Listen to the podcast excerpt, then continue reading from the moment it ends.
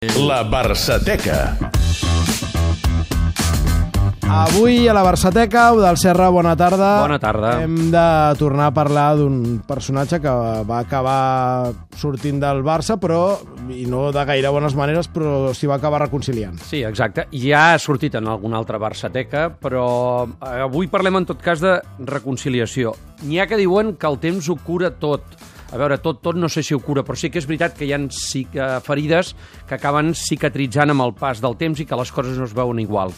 En una entrevista a l'abril del 92, fa 26 anys, Bernd Schuster es reconciliava amb el Barça. I diem això perquè l'alemany va estar 8 temporades al Barça, però durant aquests 8 anys va tenir forces tinglados, va tenir forces polèmiques, eh, va estar un any sense jugar, apartat de l'equip, va acabar judici contra el club, va fer una espantada a la final de la Copa d'Europa contra l'Esteua de Bucarest, etc etc etc. I a més a més, per acabar-ho d'adobar, quan deixa el Barça no se'n va per anar a qualsevol altre equip, fitxa pel Madrid i juga dos anys i després del Madrid se'n va l'Atlètic de Madrid. Doncs bé, quan ja estava acabant la seva etapa a l'Atlètic de Madrid, el vam entrevistar aquí a Catalunya Ràdio, al programa Força Esports, i ell ens deia això passat uns anys. Solo cuando dejas una cosa reconoces el valor que tenía, ¿no?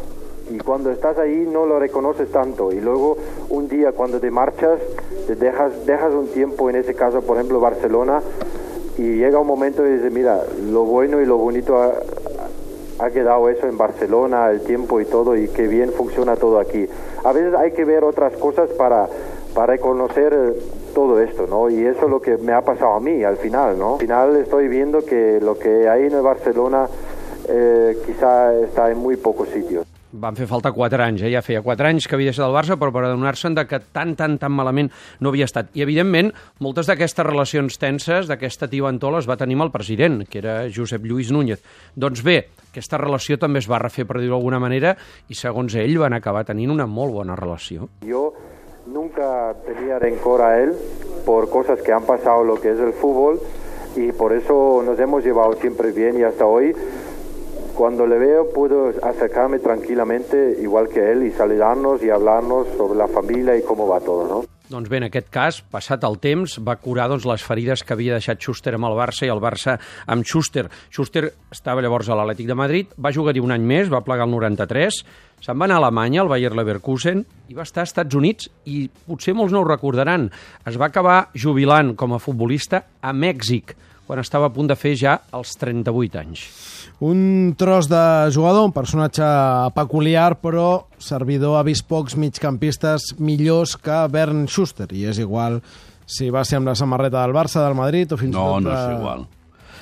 Et diré perquè no és igual, perquè no té res a veure el Schuster del primer el segon any amb la samarreta del Barça i abans amb, amb l'equip alemany i amb la selecció alemanya que després de que en un en una cacera desproporcionada el mateix Goicoechea al mig del camp. Però així Aquell tot- jugador va ser diferent. Totalment d'acord, eh? el, el, el Schuster espectacular és el que arriba aquí, però el Schuster de la Lliga de Benevols ja post-lesió continua sent un Perquè, migcampista. perquè era un animal.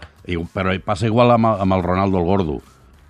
El que va jugar aquí aquell any, No té res a veure, no, clar. És veritat. mare de Déu. Val, doncs no és igual si era amb el Madrid o l'Atlètic de Madrid, però Bernd Schuster, un dels millors migcampistes Sí, senyor. que he vist. Eudal, gràcies. Fins ara.